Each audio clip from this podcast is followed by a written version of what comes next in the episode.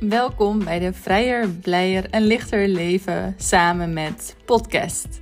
In deze afleveringen ga ik mensen interviewen, gaan we gesprekken hebben over wat deze mensen inspireert in het leven, wat hun zorgt om dicht bij hunzelf te blijven staan en een vrijer, blijer en lichter leven te gaan leiden.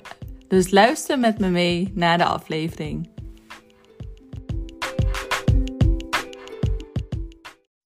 Welkom bij een nieuwe podcast. En vandaag heb ik Maartje op bezoek. En Maartje is al een tijd een vriendin van me. En het is super leuk hoe wij elkaar ontmoet hebben.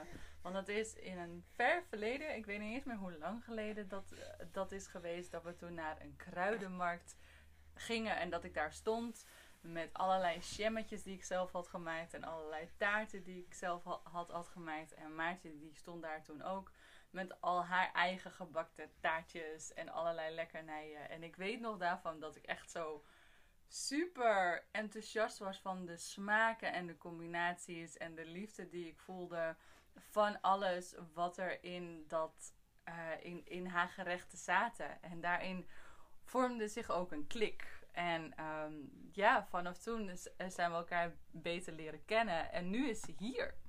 Welkom Maartje. Woehoe, dankjewel.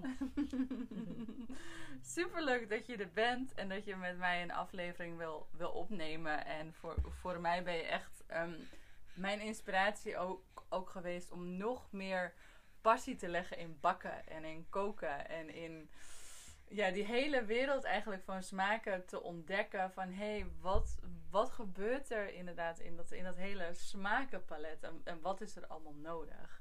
Wat ontzettend leuk en dankbaar om te horen. ja, en andersom uh, vond ik jou ook heel inspirerend op de markt. Met je, al je mooie jammetjes met bijzondere smaken en bloemen en kruiden erin verwerkt. Ja. En ook nog heel mooi gestyled. dus, uh, oh, superleuk. Ja, ja. Zowel in jouw persoon vond ik een klik, maar ook in de mooie, uh, ja, de esthetische en smakelijke dingen die jij uitdroeg. Mm, super lief. Oh, zo, zo leuk om je hier te hebben. En uh, ik heb vandaag niet alleen Maartje op, op bezoek, maar ook, ook de kleine Fred is hier. Dus af en toe zou je wel misschien wat gebrabbel en misschien een klein huiltje horen tussendoor. Maar dat is de, gewoon de natuurlijke flow van het leven. En uh, de, de, kleine Fred hoort er ook gewoon bij. Ja. en dat is dus mijn zoontje voor degene ja. die dat niet weten. Ja, ja. ja, ja dat is jouw zoontje die inderdaad in, in november? September. September alweer. Wauw, oké, nagaan. De tijd gaat zo snel. Dat hou ik echt niet altijd in de gaten. September alweer. Ja. Oh, superleuk, maat. Um, ja, kan jij vertellen aan de luisteraars wie jij bent?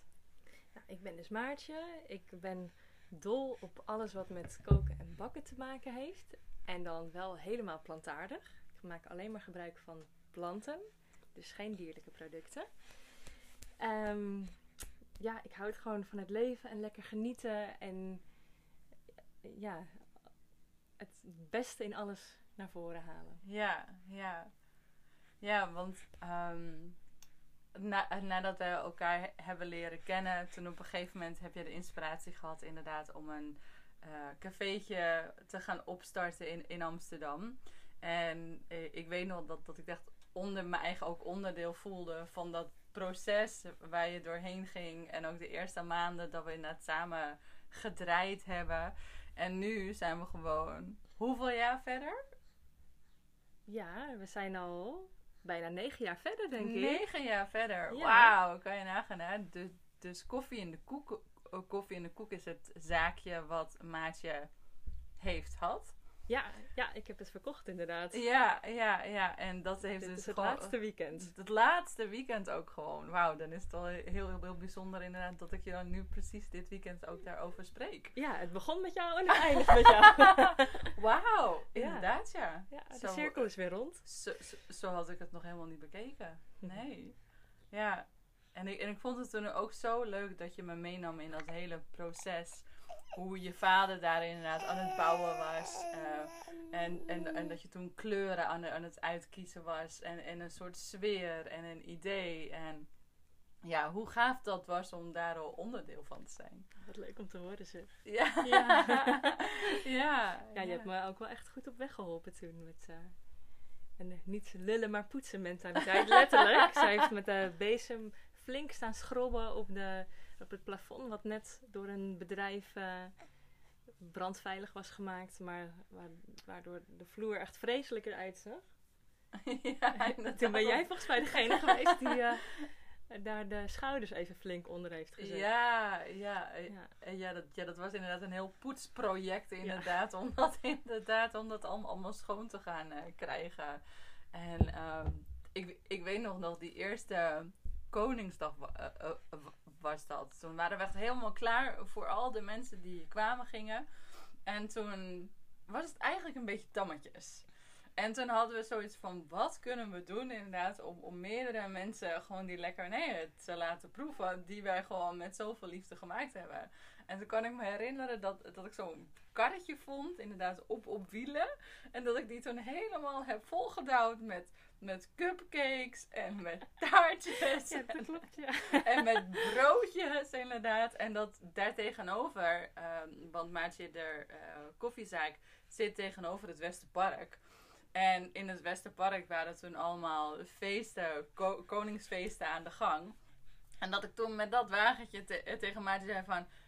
Blijf jij hier? Dan ga je hier, de mensen bedienen. Dan ga ik met het karretje naar het park toe, inderdaad. En met een leeg karretje kwam ze terug. Ja, volgens mij binnen een uur was het hele karretje leeg. Ja, en en wauw, ja, een superleuk avontuur was dat inderdaad. Ja. Met mijn zusje was dat zeker ook nog. Volgens mij wel, ja. We Ja. gingen toen met z'n tweetjes daar Ja, doorheen. ja, geweldig. Oh. Ja. Ja, en dat zonder al die lieve mensen om me heen had ik dit dus ook nooit zou kunnen opbouwen. Nee, nee. Nee, daarin denk ik inderdaad dat, dat al- als je inderdaad een bedrijf opbouwt, hoe belangrijk het is dat je inderdaad je eigen gesteund voelt. Precies, ja. Ja. Ja, Het is dus heel leuk, want nu gaan mijn personeel gaat de zaak overnemen. Ja. En die zijn met z'n tweeën, twee dames. Ja, Dus dat, eh, ik, denk dat zij, dat zij er wel iets moois van kunnen maken samen. zeker. zeker. Dus je kan nog steeds terecht bij koffie en de koek. Ja, inderdaad, ja. Voor je le- lekkere vegan taartjes en Ja. broodjes. Ja, ja, ik denk ook wel dat, eh, dat ze waarschijnlijk verschillende receptuur, receptuur van jou gaan, gaan houden, maar daarin ook natuurlijk hun eigen vleugjes gaan eh, toepassen. Dat denk ik wel, ja. Ja, superleuk. Ja. Ja. En ondertussen heb je ook alweer drie boeken? Ja, vier zelfs al. Vier zelfs Ja, al. waarvan twee samen met Lisette Kruisje. ja, inderdaad, ja. Ja, En twee op mijn eigen naam. ja. wauw. Dat lijkt me ook een super mooi avontuur om aan te gaan, inderdaad. Om te zeggen van, oké, ik heb hier nou zoveel mooie recepten en zoveel mooie producten. Laat ik die inderdaad allemaal bij elkaar gaan bundelen in een boek. Ja, dat is echt fantastisch. Het is zo dankbaar. Ja, En ik vind het dus ook heel leuk om te doen. Want je, ik, ik kan er helemaal mijn creatieve ei in kwijt. Mhm. Ik kan schrijven, dat vind ik heel leuk. ja, Ik kan recepten bedenken, dat vind ik heel leuk. ja. Ik kan het mooi stylen. En eh Lisette Krijger, die vriendin, die maakt dan de foto's. Dat vind Ja. ik ook allemaal heel leuk. Dus het is gewoon alleen maar leuk. Oh ja, dan maak ik ook nog illustraties voor mijn boeken. Ja, inderdaad. leuk. Ja, ja, je maakt zulke leuke, leuke tekeningetjes er ook, ook bij, die ook zo grappig zijn. En dat je denkt van, oh, dit is echt leuk. Want je, want je combineert eigenlijk koken en humor samen. Ja. en dat maakt het wel echt super leuke boeken ook om door te bladeren en te lezen. En erbij inderdaad die recepten die er allemaal in staan. Wauw, ik heb al inderdaad zoveel recepten ge- geprobeerd uit je, uit je boeken. En allemaal even lekker. Ja. Zo leuk om te horen. Ja. Daar doen we het voor, hè? Echt hè? Ja. Ja. Want hoe begin je zo'n proces? Hoe begin je een proces van een boek te schrijven? Want ik zit daar zelf over na te denken. Dat ik van, jeetje mina, waar zou ik zelf beginnen? Even denken. Ehm, nou, ik kan wel een beetje zo mijn hele kokenavontuur vertellen. Het is wel een Mhm. beetje een lang verhaal, dus ik hoop dat dat oké is. Zeker, zeker. We zijn juist heel erg benieuwd naar jouw verhaal. Ja. Nou, toen ik een jaar of twaalf was, ging mijn moeder op een andere plek werken, waardoor ze s'avonds wat later thuis was. En ik heb twee zussen thuis en eh, vader natuurlijk. En eh, toen hadden we afgesproken met het gezin dat iedereen een kookbeurt zou krijgen. Of als alternatief dat mijn moeder wat later zou koken en dat we, dat we elke dag laat zouden eten. Maar we waren voor optie 1 gegaan. Iedereen kreeg een kookbeurt. Dus uh, nou, mijn eerste maaltijd was geloof ik gewoon worteltjes met aardappeltjes, uh, Hollandse kost. En, maar ik vond het wel heel leuk om te doen. Dus ik dacht, nou, ik kan wel eens een keer wat uitdagenders proberen. En rond dezelfde tijd ben ik ook vegetarisch gaan eten. En Hollandse kost en vegetarisch is niet de beste combinatie. En vooral in die tijd niet, want toen waren er niet zoveel vleesvervangers zoals dat er nu zijn. Nee, nee toen was het echt inderdaad van oké, geen, geen vlees, dan laten we het vlees eruit. Maar er is eigenlijk geen, geen leuk alternatief. Of, ja. Ik kreeg ook vaak een uh, uh, plakje kaas of zo als vervanger. Of gewoon wat boontjes uit een blikje. Ja. Want anders moest mijn moeder natuurlijk voor iedereen apart gaan koken. en ja, dat, uh, het was niet zo'n groot succes. En uh, er was één vegaburger op dat moment. En dat was zo één met van die groene ertjes en maiskorrels erin. Oh, Echt zo ja, de die classic ken ik nog wel, inderdaad, ja. nou, voor een keer was dat best oké, maar dat wil je niet elke dag van de nee. week eten. Nee. Dus ik ging op kookavontuur. Hoe kan ik dat eten nou lekker krijgen? En toen merkte ik wel van ja, als je, niet, uh, als je die drie componenten een beetje loslaat... en op een andere manier kookt... dan kan je veel interessantere maaltijden creëren qua smaak. Ja, ja. Die qua voedingswaarde even goed, heel goed zijn. Ja. Uh, dus ik experimenteerde erop los. En uh, uh, wat was je vraag ook alweer? nou, hoe jouw kookavontuur is begonnen tot aan een kookboek. Oh ja, ja, tot aan het kookboek. Nou ja, en toen eh, op een gegeven moment toen had ik dus eh, zo, was ik zo bezig met die gerechten bedenken en recepten ontwikkelen dat het echt een hobby en passie was geworden. En ik keek elke week weer uit naar die dag dat het mijn kookbeurt was. Super. En het liefst nam ik eigenlijk de kookbeurt van mijn zussen ook nog erbij. maar zij vond het zelf ook heel leuk om te koken. Dus ja. dat, uh, ja. zij uh, hebben zich daar ook lekker in kunnen ontwikkelen. Maar uh, op een gegeven moment dacht ik, ja, die recepten die zou ik wel willen bundelen in een boek. Hmm. Dus toen ik een jaar of nou, 18, 19 was, toen had ik al wel de ambities om een boek te maken. Maar je kan natuurlijk zelf een boek maken, maar ook met behulp van een uitgever. En dat is wel een stuk uh, prettiger als auteur zijnde, omdat, dan, omdat de uitgever best wel veel kennis heeft van dingen die erbij komen kijken, die ik zelf niet heb. Ja. Maar het duurde nog een jaar of tien of zo voordat dat is gelukt. ja, ja. Ja, en dus, daarin daar, daar, daartussen heb je, ben je koffie in de koek gestart. Precies. Ik waarin heb, uh, je inderdaad ook je recepten op grotere schaal kon delen. En daarin natuurlijk ook he hele mooie feedback in terugkreeg. Precies, ja. ja. ja ik heb eerst kunstgeschiedenis gestudeerd. Um, sommige vakken vond ik echt heel leuk om te volgen. Maar ik had ook het, het, gevoel dat ik liever iets in de maatschappij wilde doen. En niet alleen maar met mijn neus in de boeken. Mm -hmm. Want dat was dan vooral voor mezelf leuk. En misschien voor een klein groepje wetenschappers interessant. Ja. ja. Maar ik wilde liever iets doen wat de maatschappij echt diende. En op dat moment voelde een zaak die plantaardige producten verkoopt en ja, toch een soort visitekaartje voor een positieve vorm van veganisme is. Ja. Een belangrijkere ding in mijn leven dan die studie uh, daar iets mee gaan doen. Ja, ja, begrijp ik. Dus toen heb ik mijn eigen bedrijf opgezet. Ja. En uh, toen, ja, dat was natuurlijk uh, top, een toplocatie om te experimenteren met alle ideeën en alle baksels meteen ja. tentoon te stellen en Ja. mensen te laten proeven Ja. en feedback te krijgen. En zo heb ik alleen maar nog meer en betere recepten kunnen sparen voor in de kookboeken. Ja, ja, super mooi. Ja, want daarin is, is het inderdaad zo dat uh, waarschijnlijk nog, nog heel, heel veel luisteraars ook denken van veganistisch eten, dan krijg je toch alleen maar sla. Ja. Weet je wel? en, en dat is zo'n label die er is opgeplakt. En gelukkig zien we nu telkens meer ook, ook in de supermarkten het schap met uh, inderdaad pl plantaardige voeding enorm uitbreiden. Want als je inderdaad nu kijkt of vier jaar geleden, wauw, Ja, dat is het is- echt een wereld van verschil. Het is echt bizar. Ja, Ja. Ik krijg dus ook echt een soort rare supermarktstress tegenwoordig als ik naar de Albert Heijn ga. Omdat je gewoon zoveel keuze hebt in één keer. Ja, en dan denk ik, oh, ik moet al die bedrijven supporten die vegan dingen maken. Maar terwijl Ja. ik dat eten helemaal niet wil eten. Nee, nee, nee. Ik eet liever gewoon lekker eh, groente en fruit. En ja, ja, je eigen verse eten, Ja. inderdaad. Ja, Ja.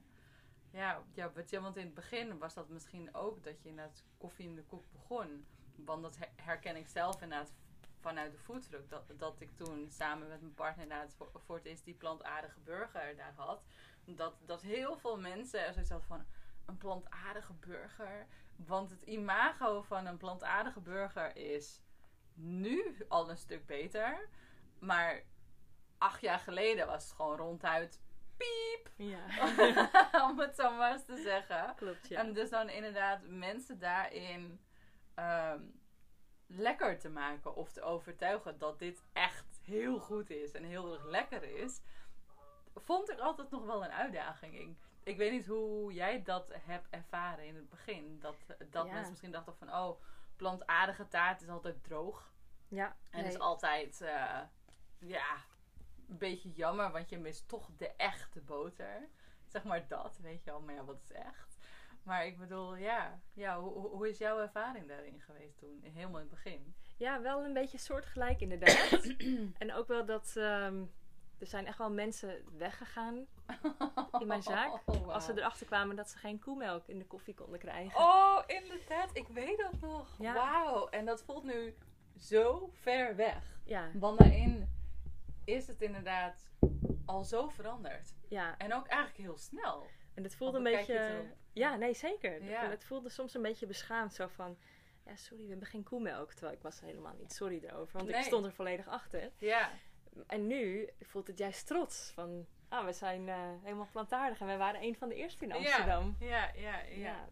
Ja. Ja, je was eigenlijk een soort pi- pionier Ja, in de, in, in de vegan scene. Om daarin te zeggen van oké, ik heb nu een restaurantje wat gewoon helemaal plantaardig is. ja, En als je nu kijkt, is er al zoveel meer optie. precies ja. Ja. Ja. Ja, Ja, het is interessant om te zien dat, dat onze cultuur, hier, of, hier of vooral in Nederland, eigen- eigenlijk dat, dat plantaardig eten iets is wat in onze keuken helemaal niet, niet vanuit o- o- origine normaal is. nee, En als je bijvoorbeeld kijkt naar andere culturen, zoals het boeddhisme, Ja. Leven de monniken altijd al vegetarisch. Klopt, zeg maar, ja. die, ja, tja, die gebruiken heel- helemaal geen eh, vlees. nee. Dus het is ja, heel, heel grappig hoe, hoe dat cultuur gerelateerd is. Hoewel, als je wat verder teruggaat in de tijd. Want ja, ik heb dus eh, middeleeuwse kunstgeschiedenis gestudeerd Ja. onder andere. Oh, ik ben benieuwd. Eh, in die tijd was melk natuurlijk heel duur Ja. en moeilijk houdbaar. Dus in middeleeuwse recepten wordt vaak amandelmelk al gebruikt. Want amandelmelk kan je vers on the spot maken Ja. zonder dat het meteen bedorven is. Wauw. Want je maalt amandelen, wijsheid. je mengt Ja. het met water en je Ja. hebt amandelmelk. Ja, inderdaad. Ja, want je kan inderdaad gewo- gewoon amandelen wellen, inderdaad met, met water combineren en dan huppatee in de blender. En je hebt gewoon amandelmelk. Ja, en dan in de Ja. middeleeuwen ging het in de vijzel, denk ik. Ja, inderdaad. Of in een molentje misschien. Ja, door zo'n zeef waarschijnlijk inderdaad. Ja. Een doorroerzeefachtig vijzel. Is, eh, ja. Of zo gewoon een, eh, een, een zak. Daar deden ze ook veel mee ja, doeken. inderdaad. Ja. Ja. Ja. Ja. Ja. hang-op maakten ze daar natuurlijk mee. En ook, eh, ja, melken. Oh, wat leuk om te horen. Ja, en de, er was natuurlijk vroeger veel armoede. En in arme gezinnen werd ook geen vlees gegeten, maar veel, veel vruchten. Ja. Ja. En dat is natuurlijk ook voedzaam. Ja. Daar ga je lang goed op. Zeker. En ik denk ook dat, dat het heel belangrijk is in, in onze maatschappij om bewuster om te gaan met de keuze die je maakt over vlees. Want als je nagaat hoeveel megastallen er nu over de hele wereld staan en daarin daar niet bewust wordt nagedacht over eh, hoe een dier opgegroeid wordt en hoe een dier verzorgd wordt, maar erin gewoon echt wordt gefokt om vlees te zijn voor ons, eh, voor ons leven. Daarin leerde ik laatst dat, dat, dat het momenteel in Brazilië echt super heftig is. Waarin van die mega fokkerijen zijn. En in die mega fokkerijen is natuurlijk ook super veel ehm, ehm, eh, poep van de koeien. Ja, En die poep die komt er natuurlijk al uit als, al, al, als diarree. Ja. Wat natuurlijk al een van de eerste tekenen zijn dat de koeien niet heel gezond zijn. Want als je inderdaad eventueel in een weiland kijkt van een koe, dan, dan is het gewoon een soort dikkere fly. ja maar geen, heel vezelig Ja, ja, van al dit gras. ja. ja. ja, maar geen water. En dat er nu gewoon iets van, iets van wat was dat? Iets van 60 of 80 voetbalvelden groot, ehm, van 9 à 10 meter diep, wat gewoon helemaal vol ligt met inderdaad koeienpoep. Ach, En die zuren, die trekken natuurlijk de grond in. Ja. En die trekken de rivieren in, richting de Amazone. En de Amazone breekt daardoor langzaamaan af. En dat ik daarin denk van, ook al eet je vlees, ga er bewuster mee om. het is afschuwelijk hè, wat, Ja. dat, eh, wat Ja. dat teweeg brengt. Ja, Ja. en dan eh, ook voor het eten van de koe worden dus heel veel eh, stukken oerwoud gekapt. Ja, ja om, om de koeien eten te geven. Ja, en Ja. het is dus heel gek, want in een koe zit meer soja dan in een sojaburger. ja, ja. Of in een ja. glaasje koemelk. Want die koe die eet dus veel meer soja Ja, eh, dan dat er per saldo aan eiwitten weer uitkomt. ja, ja. En Dus daarin het is heel is, inefficiënt. is, is het ook, ook, ook gewoon de gezondheid voor on- ons lichaam. Want daarin is soja gewoon niet een van de beste dingen voor ons lichaam. En, eh, ja, en dan denk je dat je vlees eet, dat dat goed is voor je lichaam, omdat je dan sterker da- daarvan wordt. Maar als je tegenwoordig kijkt hoeveel vlees inderdaad ehm, gevoed wordt inderdaad met sojabonen en met antibiotica, betekent inderdaad dat je je lichaam aan het voeden bent met sojabonen en antibiotica. En dat zijn juist de dingen die je wil gaan vermijden om een gezond lichaam te behouden. ja, en dat is dus ook eh, die verkeerde soja. Die Ja. genetisch gemodificeerd, gemanipuleerde moet ik zeggen. Gemanipuleren, ja. En eh, dan bouwen ze dus een gen in in de plant. ehm, die resistent is voor een bepaald soort gif. Mhm. Dan worden er liters gif over die plant gespoten en alles gaat dan dood, behalve de sojaplant. Ja, En dat is dus waarom het zo slecht is. ja. Maar ik moet wel zeggen, in een, eh, een, een glaasje sojamelk, daar zit doorgaans niet die gemanipuleerde soja in. En als je daar een glaasje van drinkt, dan kan het niet zoveel kwaad. Maar je moet natuurlijk niet dag in dag uit alleen maar soja. datzelfde gaan eten. Nee, nee. Maar dat geldt een beetje voor alles. Ja, ja, inderdaad. Behalve voor fruit.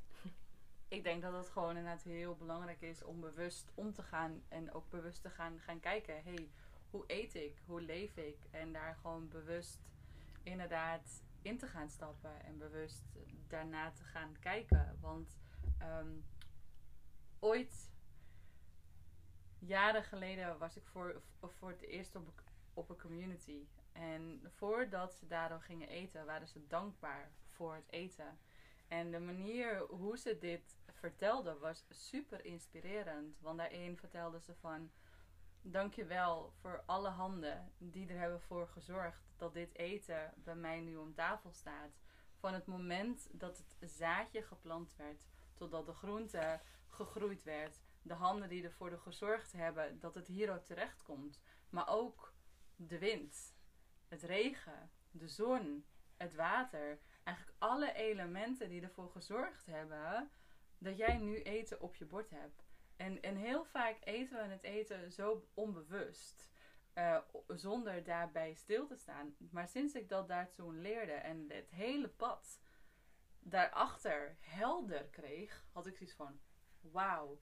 Voordat het zaadje hier als volledig iets bij mij aan tafel komt, heeft het al zoveel stappen ondervonden. En heeft het ook, hebben zoveel verschillende handen dit al aangeraakt. En om, om al die handen te bedanken en te zegenen, is eigenlijk een super mooi ritueel in jezelf om mee te nemen. Wat prachtig. Ik krijg helemaal kippenvel van. ja. Ja, En het, eh, het doet ook iets met je. Hè? Als je zo met eten bezig bent. ja, En als je al eh, bewust daarbij stilstaat voordat een maaltijd begint. ja, Dan merk je ook dat je speekselklieren helemaal actief worden. Ja. En dat je, dat je echt zo zin hebt om dat gerecht te gaan eten. En dan stelt je lichaam zich al helemaal in op Ja. het gaan verteren van die Ja. maaltijd. Ja. Oh, Fred, ben je het ermee eens? Hij heeft er ook iets over te zeggen. ja, inderdaad. En gewoon de, de bewustwording daarin.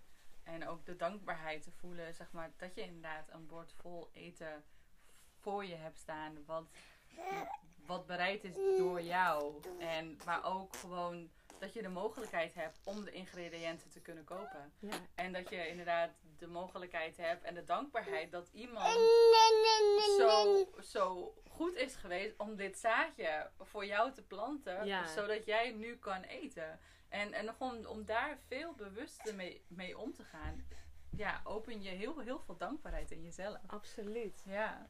Heel mooi. Hmm. Hmm. Fredje wordt heel even neergelegd met een doekje en een dingetje. ja, oh, dankjewel maat. Het is, ja, het, ja, het, Ja, ja, jij ik, ik vind het echt super leuk om je, om je zo te, te spreken. En ehm, ja, ons, mijn podcast die heet Vrijer, Blijer en Lichter Leven. Wat doe jij om ehm, vrijer, blijer en lichter te leven? Wat is, eh, ja, heb je rituelen? Heb je, heb je gewoontes? Heb je een manier van in het leven staan? Ehm, ja, ik heb wel meerdere antwoorden op deze vraag, denk ik. Kom maar door. Ehm, nou, ten eerste als je bedenkt, wat, wat is het leven nou? Ik zeg altijd, meer dan een mens kun je niet zijn. En eh, je kan je met heel veel dingen identificeren. Maar het meeste is eigenlijk, zijn dingen die je doet en niet die je bent. Mhm. Dus je bent gewoon een mensenziel die toevallig in het universum op aarde terecht is gekomen. En als je bedenkt dat deze planeet door het heelal zweeft, Ja. of, of zuist eigenlijk. Met, met een, wat was het, 60.000 km per uur of zo. En als je dan bedenkt waar we ons allemaal druk om kunnen maken, Ja. ja, dan, wat, wat, is, wat heeft dat voor zin eigenlijk? Ja. Het is bijna een soort plicht om, het, om er gewoon zoiets leuks mogelijk van te maken. En een van mijn boeken heet dus ook Elke dag feest. En dat is wat ik probeer van het leven te maken. Elke dag een klein beetje feest. Mm. Dan zeg je later, ja, mijn leven is mooi geweest. Ja, ja, super mooi. Dus dat. En eh, hoe doe ik dat dan? Ja, ik, ik hou heel erg van koken. Dus ik kook graag elke dag. Soms ook wel eens niet, want dan heb ik geen zin om uh, een troep te maken en op te ruimen en zo. Ja, inderdaad. Ehm, humor is denk ik ook heel belangrijk. Mijn lief heeft heel veel humor. En daardoor hebben we samen altijd heel veel plezier. En dat kan ik dan ook weer uiten in die tekeningetjes, zoals jij zei. Ja. Ehm, om, omringen met lieve mensen. En eh, ja, die, de- ik denk dat dat wel heel erg helpt met je, ja, hoe zeg je dat, je, jezelf belangt voelen. Ja. Ja, dat je toegewijd bent aan, aan, aan een groep. Dat, dat, Ja. je, eh, dat, dat je mensen om je heen hebt die, Ja, die je zien en die Ja. je accepteren. En, die, een en die met jou. community. Ja, inderdaad. Bij wie je terecht kan, ook als, het e- ook als het even niet gaat. Ja, En precies. ik denk dat dat inderdaad heel erg belangrijk is om je, ja, ook, ook om je goed te voelen. Precies, ja. ja. Ja, en als ik me dan bedenk hoeveel mensen in eh, nare situaties zitten of dieren in de bio-industrie. En ik heb gewoon de mogelijkheid om iets fantastisch van mijn leven te maken. Dus het voelt ook als een verantwoordelijkheid om Om dat te dat doen. ook te doen. Ja, ja, ik hoor je. Ja. Ja. Ja. dat begrijp ik. Ja, En dat voelt niet zwaar of zo, maar dat, nee. van, ja, als je, dat heb ik me dan gerealiseerd en dan eh, wil ik daar ook voor gaan. Hmm. Ja, want ik merk inderdaad zo, eh, eh, soms in mezelf wel, eh, wel eens de gedachte gehad hebben van wow, er zijn zoveel mensen op deze wereld die het zo zwaar hebben. Mag ik dan wel gelukkig zijn? Mag ik dan Ja. wel genieten? En dat waren wel af en toe dingetjes waarvan ik me dan in het heel af en toe schuldig voelde. Van wow, weet, eh, eh, weet je wel, van mag ik hiervan eh, eh, van genieten? Maar de manier hoe jij dat brengt, vi- vind ik eigenlijk, eigenlijk, eigenlijk heel, heel mooi. Ja, Dat je zegt van ja, het is ook mijn plicht om dit te gaan doen, omdat ik die mogelijkheid heb. ja, bijna wel, toch? Ja, ja, Ja. ja. Ja, ik heb het hier toevallig ook gehad, eh, over gehad in de vorige podcast met Janneke van der Meulen. Mhm. En dat vegans zich dus ook vaak bezwaard voelen om gelukkig te zijn of niet met dierenleed bezig te zijn. ja. Maar eh, er is niet één manier hoe je op een goede manier je leven kunt leiden. Nee, Want er Nee. zijn mensen die inderdaad hun hele leven opofferen en niet rusten nee. totdat eh, de laatste portie leed uit de wereld verdwenen is. Ja. Maar er zijn ook mensen die op een andere manier bijdragen. En dat is Ja. ook oké. Zeker. Zolang je maar niet bijdraagt aan iets wat niet oké is. Ja, ja, wat, ja, wat niet oké voor, je, oh, voor je voelt Voor je voelt, ja, want wat is, wie bepaalt überhaupt Ja. wat oké is en wat zeker, niet. Ja. Zeker, ja. Ja, mooi. Dankjewel voor het delen daarin. Ja. Ja, super. Ja. Ehm, ik heb nog een vraag. Ehm, wat krijg je vaak te horen, maar het is eigenlijk echt een misverstand? Wat ik vaak krijg te horen, maar een misverstand is. Ehm, bedoel je dan, mag het gewoon anything zijn? Het mag gewoon anything zijn. Hoe jij dat voelt om dat in te vullen. Nou, dat is misschien over wat ik net vertelde, kan ik wel iets meer vertellen. Van meer dan een mens kun je niet zijn. Mhm. Dat- Ik weet niet of dat een universele waarheid is hoor, maar zo zie ik het. Ja. En dan eh, als mensen zeggen van jij bent kok bijvoorbeeld. Mhm. Of jij bent auteur of kookboekenschrijver. En het is wel makkelijk om dat op die manier te zeggen. Of jij bent veganist. Maar ik zie dat dus meer als dingen die ik doe. Ja. En ik identificeer me daar niet per se mee. Je identificeert niet met wie jij bent, Nee, maar weer die wie jij wie ik ben zie ik meer een soort van uitgeklede ziel. Mhm. En eh, alles daaromheen is wat ik doe. Ja. En zelfs een lichaam. Ben ik mijn lichaam of heb ik mijn lichaam? Ja. Want- Ja. Als ik een arm mis, dan ben ik op, niet opeens een stuk minder mezelf. Nee. Nee. Dus dat vind ik altijd interessant om over na te denken. En ja. ik denk dat de, dat de wereld een stuk eh, prettiger in de omgang zou zijn. Als we onszelf dus niet de hele tijd identificeren met dingen die we zijn. Labels, Hmm. titels. Ja. En eh, want daaruit voort komt natuurlijk ook heel veel ellende en klassenmaatschappijen. En Ja. verheven voelen boven de ander. Ja, ja, je bevrijdt je eigenlijk jezelf van de rollen Ja, die je eigenlijk dat. oplegt. Ja, Ja, oh leuk. Ik had inderdaad, eh, de vorige podcast eh, was, was met Martijn. En daar hadden we het inderdaad ook over dat ehm, een retreat of een festival altijd een hele mooie plek is om je eigen te ontdoen van al die rollen. ja precies. En dat je op dat moment even geen moeder hoeft te zijn, even Ja. geen kok hoeft te zijn, maar dat je eigenlijk je eigen opnieuw kan gaan uitvinden. Of Ja. gewoon cre- creatief kan zijn op dat moment met je outfit of met zeg maar iets. Ja, ja en je Ja. merkt dan ook vaak als je naar zo'n plek bent geweest, dat je daarna weer vol energie terugkomt en inspiratie. Ja, En het mooie is dus, je hoeft je dus niet in het dagelijks leven aan die rol te conformeren op die manier. Nee, nee. Je mag gewoon zeggen, dit is iets wat ik doe, maar niet wat ik ben. Ja. ja, en daarmee geef je je eigen zoveel vrijheid. Ja, Ja, inderdaad. super mooi. Ja. Leuk. Dankjewel voor dat delen. Ja. Hmm. Ik ben ook nog benieuwd. Als jij je jongeren zelf advies zou mogen geven, wat zou dat advies mogen zijn? Eh, ruim je spullen op. ik ben er wel beter in geworden, moet ik zeggen. nou ja, van... eh, Wat is de waarde daarvan? nee, ik- oh ja. Oh, dat vind je helemaal niet leuk. Oh, dat... Zo, even een kleine pauze. En de kleine ligt nu aan de borst en eh, is weer helemaal tevreden. even honger, dat, dat, dat moet ook gebeuren. Zeker. Eens even kijken, waar waren we? Over eh, wat ik mijn jongeren zelf zou willen meegeven. Ja. Ja, ik ben ondertussen wel iets beter georganiseerd dan eh, vroeger. Ehm, daar heeft het moederschap onder andere ook wel aan bijgedragen. Dan krijg je dus enorme organisatie en opruimdrang van. Oh, echt? Om je nest. Oh, veilig ja, te maken. Om je nest te bouwen. Ja. Ja, ja, ja. Maar eh, het blijft een heikelpunt. En eh, ja, dan, dan loop je soms achter de feiten aan. Ja. Dus dat had me wel wat stress bespaard als ik dat eh, op jongere leeftijd ook wat beter had gedaan. Maar vind je ook, ook, ook niet dat dat een beetje eh, onderdeel mag zijn van het vrouw zijn? Echt mee te gaan met die winden en met die creativiteit. En daarin, Absoluut.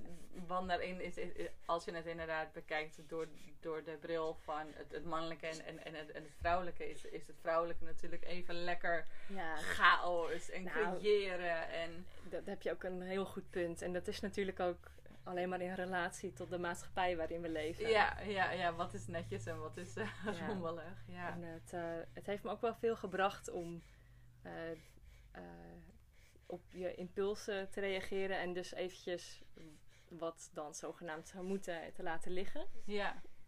En dat heeft me altijd wel verder gebracht.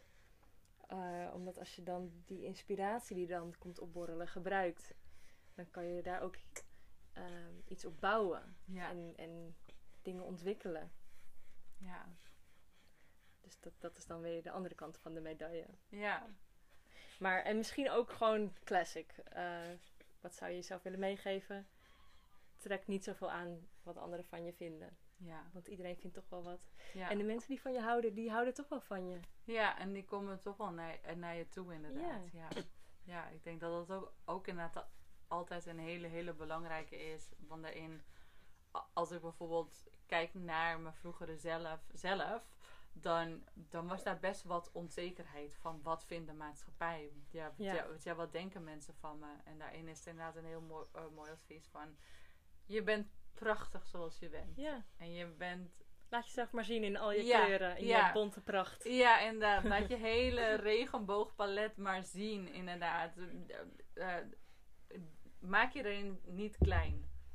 Want Ja. juist door jezelf kle- kle- klein te houden, maak je het zelf heel moeilijk voor jezelf. Ja, En, dat denk ik ook. Ja, en terwijl je juist meer van jezelf laat zien, des te meer mensen je gaat aantrekken die bij jou passen.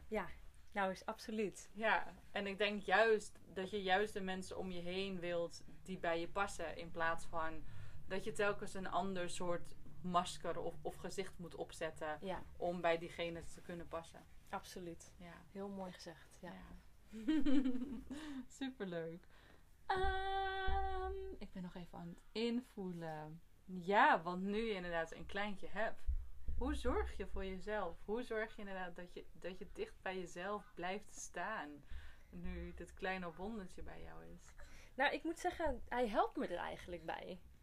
Ehm, want door goed voor mezelf te zorgen, zorg ik automatisch ook goed voor hem. Mm. En hij dwingt me ook om op momenten rust te nemen, om rustig te gaan zitten, om borstvoeding te geven en adem te halen.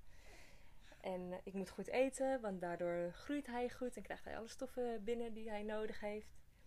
Dus ehm, eh, ja, je hoort vaak verhalen over het ouderschap, van dat het heel uitputtend en zwaar en vermoeiend is. Maar ik ervaar het eigenlijk juist heel mooi andersom.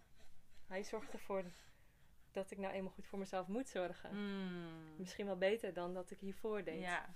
ja, omdat je nu ook waarschijnlijk voelt dat je een, een taak hebt. Ja, Een missie hebt. Om, precies. om zo'n klein ventje op, op de best mogelijke manier op te voeden. Absoluut. Ja, En ook eh, om zo min mogelijk stress te hebben. Dat is dus ook slecht voor de borstvoeding. En ja.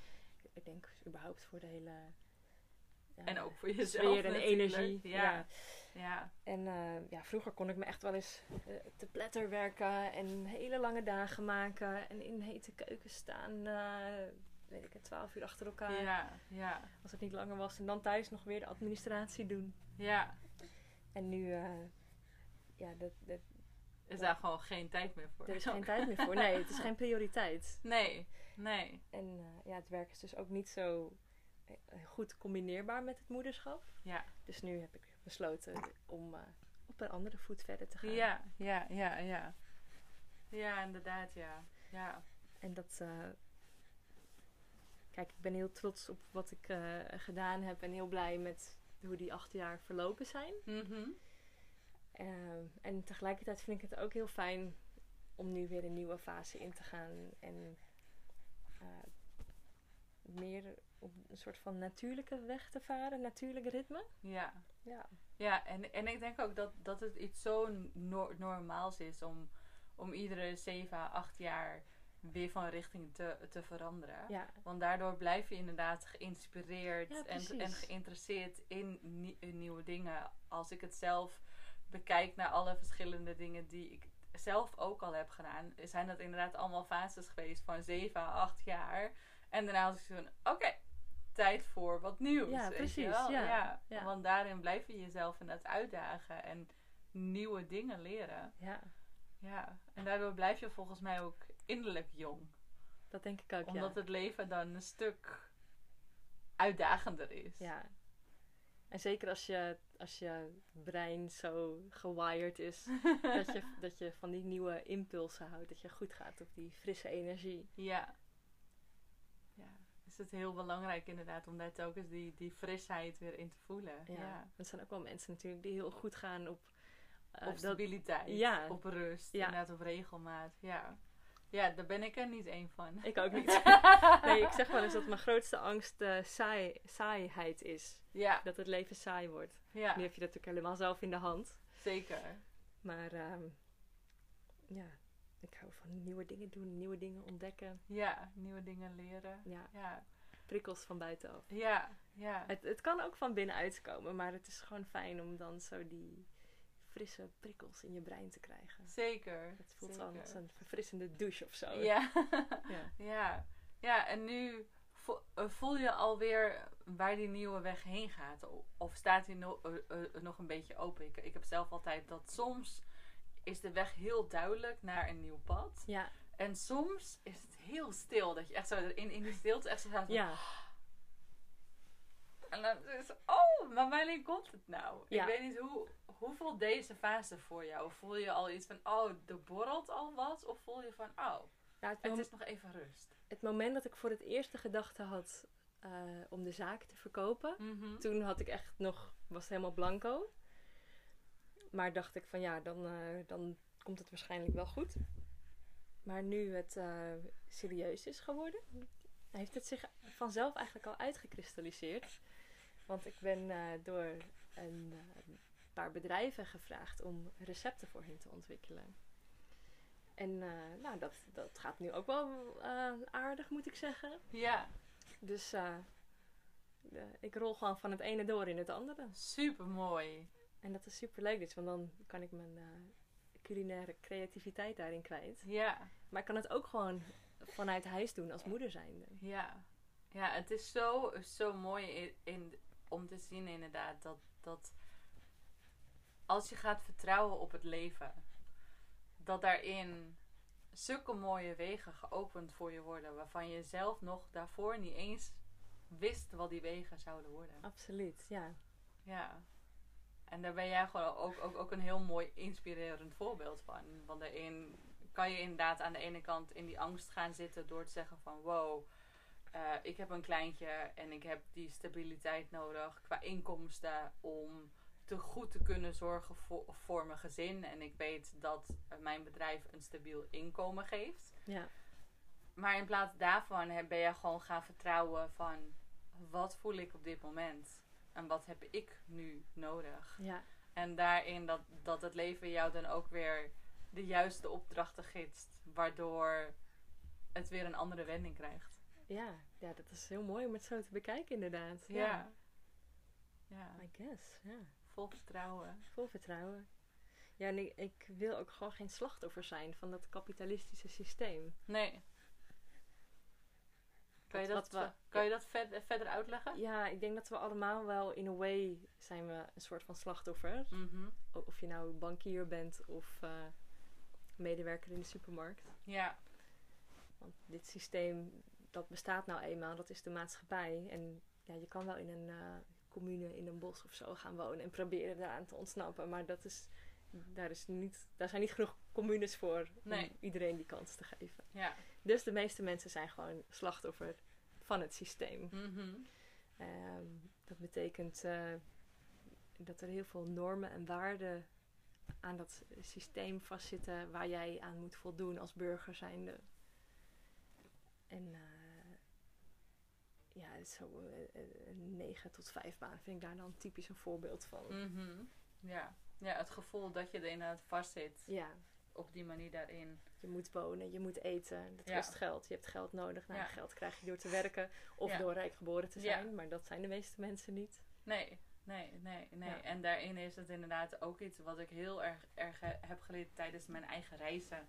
Dat hoe erg je wordt gedragen. Ja, Zodra je inderdaad gaat leven vanuit vertrouwen, vanuit het komt wel goed. ja, Dat het ook echt ook altijd goed komt. ja, En dat zodra ik zelf inderdaad in die stress ga van oh shit, ik heb niet genoeg geld of het lukt niet of hoe moet het nou? dat het inderdaad die stress ook naar me toe komt. Ja, En dat ik dan op dat moment zit van, holy shit, mijn gedachten zijn zo krachtig. ja. Ja, dat is natuurlijk ook een beetje, eh, misschien niet alleen je gedachten, maar ook verder dan dat. dat Ja.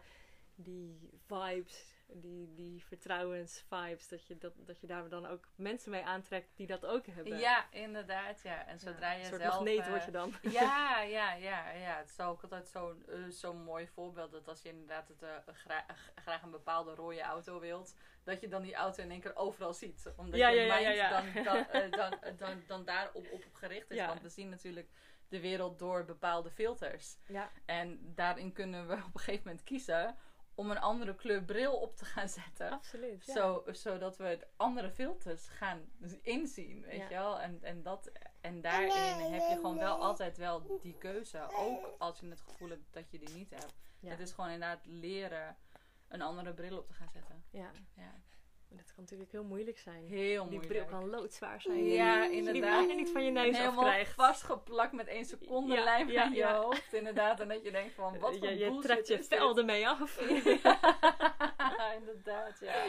Ja, Ja. maar daarin he- heeft het leven me inderdaad echt geleerd van wow, ik word zo gedragen. En er is inderdaad zoveel vertrouwen. En ik denk dat dat bij mij vooral is, is gekomen door het reizen. ja. Ja, waar, waar, waar is jouw vertrouwen doorgekomen? Ehm, ja, ik heb niet zoveel mooie reizen gemaakt als jij. Ik ben wel op mooie plekken geweest, maar niet zoveel en zo ver. Dus dat niet.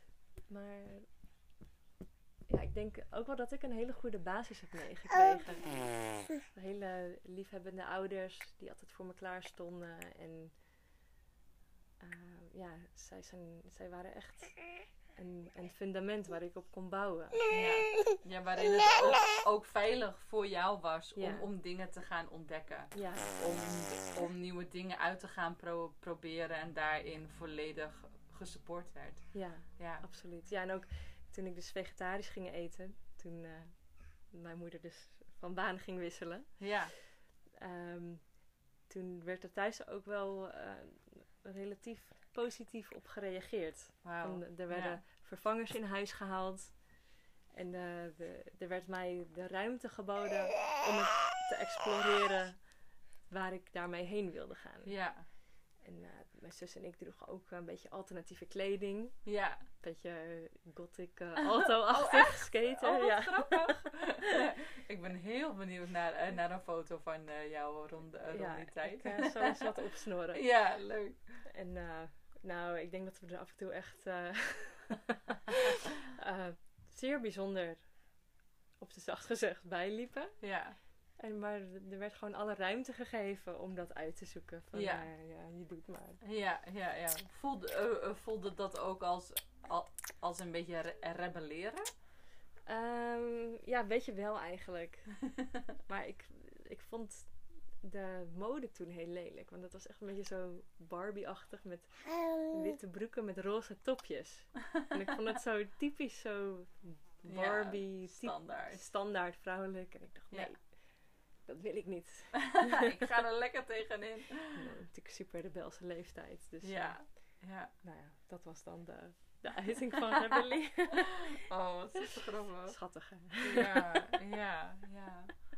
Ja, ja en Ja. ik denk inderdaad dat, dat die veilige basis en de mogelijkheid om te, eh, ehm, te ontdekken dat dat ook de dingen zijn die jou tot jouw su- succes hebben, hebben geleid. Doordat je inderdaad vol vertrouwen op iets Ja. nieuws dur- durft in te stappen en daarin het gevoel hebt van ik word gesupport. Ja, dat denk ik wel. Zo van, jij wil iets geks proberen? Nou, dan doe je dat toch. Ja. En dan, ja, en ik geloof in je en dat gaat, ja, gaat lukken. en ik hou toch wel van je. En, Ja. eh, ja, dus dan heb je dus, ehm, dan, dan bouw je een verband op Ja, in je brein van dat als je iets bijzonders of iets nieuws wil proberen, ehm, dat dat, dat dat gewoon veilig en oké is om te doen. Ja, Ja. super mooi. Ja. Ja. ik denk dat het inderdaad zo belangrijk is. Terwijl er inderdaad meestal jonge moeders nu ook, ook luisteren, denk ik inderdaad dat het heel mooi is inderdaad om daarin mee te geven. Dat hoe fijn het is om die veilige bedding te geven voor je kind. Ja, Om daarin te ontdekken. Ook al is het iets wat totaal buiten je comfortzone staat. En totaal zo, eh, zoiets hebt van oh my god. ja, Dat je daarin inderdaad die ruimte geeft. Want daarmee creëer je zoveel veiligheid. Waardoor jouw kleintje durft te gaan staan in de wereld. Die af en toe heel erg wiebelig voelt. ja, precies. Ja. Ja, als eh, ons zoontje dus ook eh, straks liever een jurk of zo aandoet dan een broek, dan vinden wij dat helemaal prima. Ja. Ja, echt die ontdekkingsfase gewoon echt gewoon lekker Ja, meegaan. Ja. Ja. Wauw, ja. oh. En ik ben nog benieuwd als laatste. Wat is iets wat de meeste mensen nog niet over jou weten? Ehm, daar moet ik even over nadenken. Wat weten de meeste mensen nog niet over mij? Ik ben de middelste uit een gezin van drie kinderen. Ik heb Mhm. twee zussen. Ja, En eh, ja, die positie in het gezin, dat bepaalt natuurlijk ook wel weer van hoe jij als mens bent. ja, zeker. Dan heb je altijd veiligheid onder je gehad en veiligheid boven je. Ja. Ik weet niet Maar of, ook- of je dat ervaarde als kind zijnde. ja, maar misschien ook dan van... De oudste was natuurlijk heel verantwoordelijk altijd. Ja. Maar was ook altijd de eerste met nieuwe dingen. Mhm. En dan wilde ik ook altijd die nieuwe dingen meedoen. Ja, ja, ja. En de jongste was weer het lieve kleine zusje. Het, eh, eh, ja, Ja, die kon alle, alles klei- maken. kleine puppy in het gezin. Ja, ja, ja. Dus dan eh, viel ik misschien af en toe tussen wal en schip. Ja, En moest ik mijn eigen hachje een beetje zien te rennen. ja. Hoewel dat, nee, dat, dat is dan wel minimaal zo. Want mijn ouders waren gewoon Ja. super lief en goed voor me geweest. Ja, tuurlijk. Maar Maar ik de- denk dat, eh, dat eh, nu, nu ik dat zo, eh, zo hoor, kan ik me dat inderdaad wel voorstellen. Ja, en dan... dat je eh, inderdaad aan, aan, het, aan het uitzoeken bent. Want je wil gewoon, ja, ja, wij willen van, van nature natuurlijk graag ergens bij horen. Ja, Dus dan Ja, is het inderdaad de vraag van, wil je dan bij je oudere zus horen met al die leuke nieuwe dingen? Of wil je bij je schattige klei- kleinere zusje ja horen? precies. Ik kan me voorstellen dat je dan af en toe zoiets hebt van, ha! Ja, Ja, dat was eh, misschien achteraf gezien wel eens een... eh, de struggle van de middelste, inderdaad. Ja, ja. En dan, eh, mijn zus, die kon ook heel goed zelfstandig spelen. Mhm. En dan wilde ik altijd meedoen. Ja, Maar ehm, daardoor heb ik misschien ook wel geleerd om wat meer mijn eigen hachje te redden. ja. Mooi. En wat ik dan weer uiteindelijk kon meenemen in het ondernemerschap. Ja, ja, Ja. inderdaad. Want daar, wauw, ja, ja, je bent echt, echt een pionier geweest in, in, in zoveel dingen. Dat je inderdaad gewoon, gewoon je eigen koffiezaakje bent, bent begonnen. Dat je je eigen boeken bent gaan eh, schrijven. Ik denk dat het super inspirerend is voor heel veel mensen. Ja, Want daarin gewoon inderdaad ehm, wegen, nieuwe wegen te gaan slaan. En daarin te gaan voelen van wat wil ik delen met de wereld? Wat heb ik te bieden? Wat zijn, eh, zijn mijn dromen? En daarvoor gewoon te gaan. ja. Super cool. Thanks. Ja. En eh, heb jij dan iets wat mensen nog niet van jou wisten? Oeh, ik denk dat ik nog een heleboel verschillende kanten van ehm, mezelf mag, mag laten zien. En dat dat langzaam inderdaad door iedere podcast telkens meer doorheen zijpelt. Ja. ja. En is er al iets, een Ik tipje vind- van de sluier die je voor vandaag wil oplichten? ik vind mezelf altijd ehm, heel veelzijdig, zeg maar. Ja. Ik, eh, Oh, dat vind ik ook. ik noem mezelf wel eens een shapeshifter. Weet, Ja. je, eh, weet je wel, daarin. Ik, ik vind heel veel verschillende soorten mensen echt super inspirerend. En ook heel veel verschillende manieren van leven en van doen.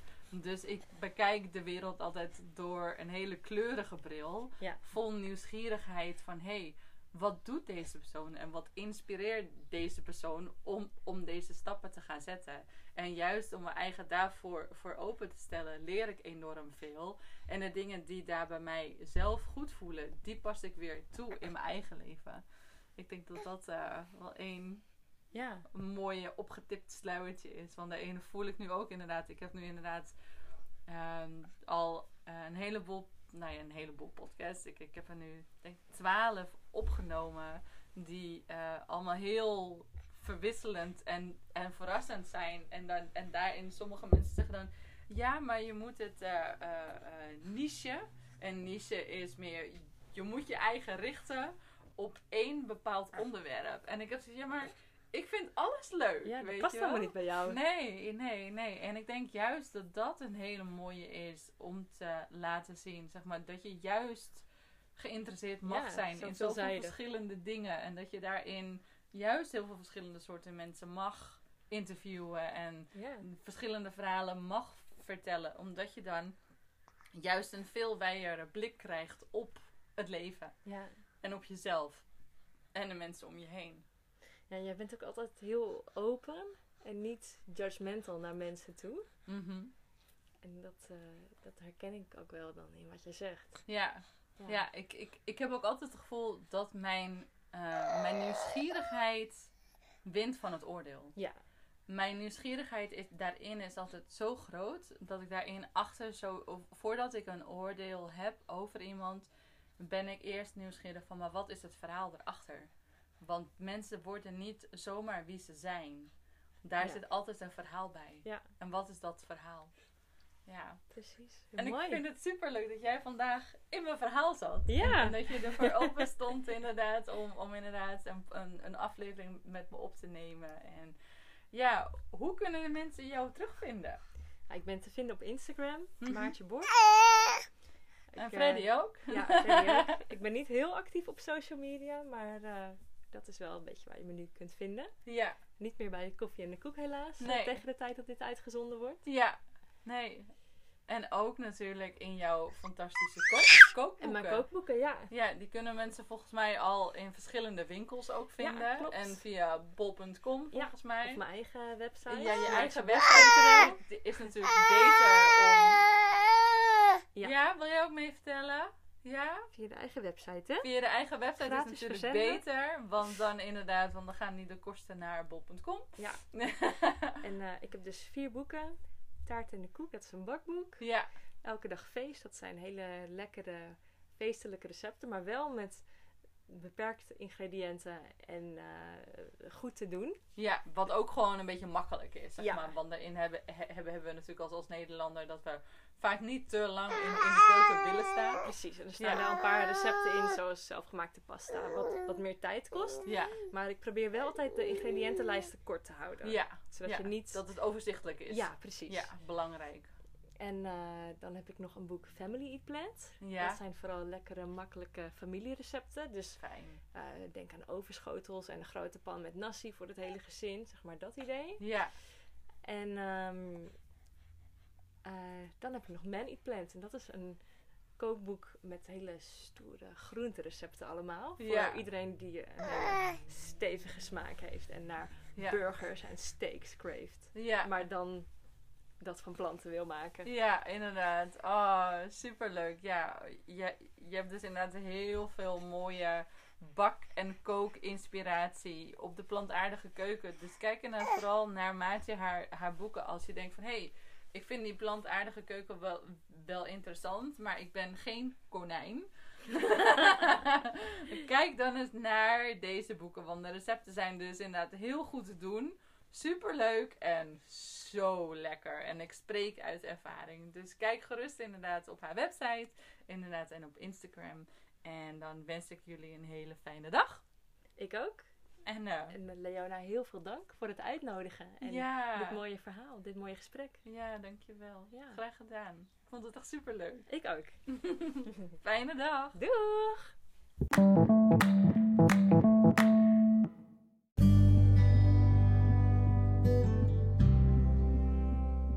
Heeft deze podcast je geïnspireerd? Delen mag altijd. En ik vind het ook super leuk om een berichtje van je te krijgen. En wil je meer over mij weten? Volg me gerust op Instagram, Facebook of kijk op mijn website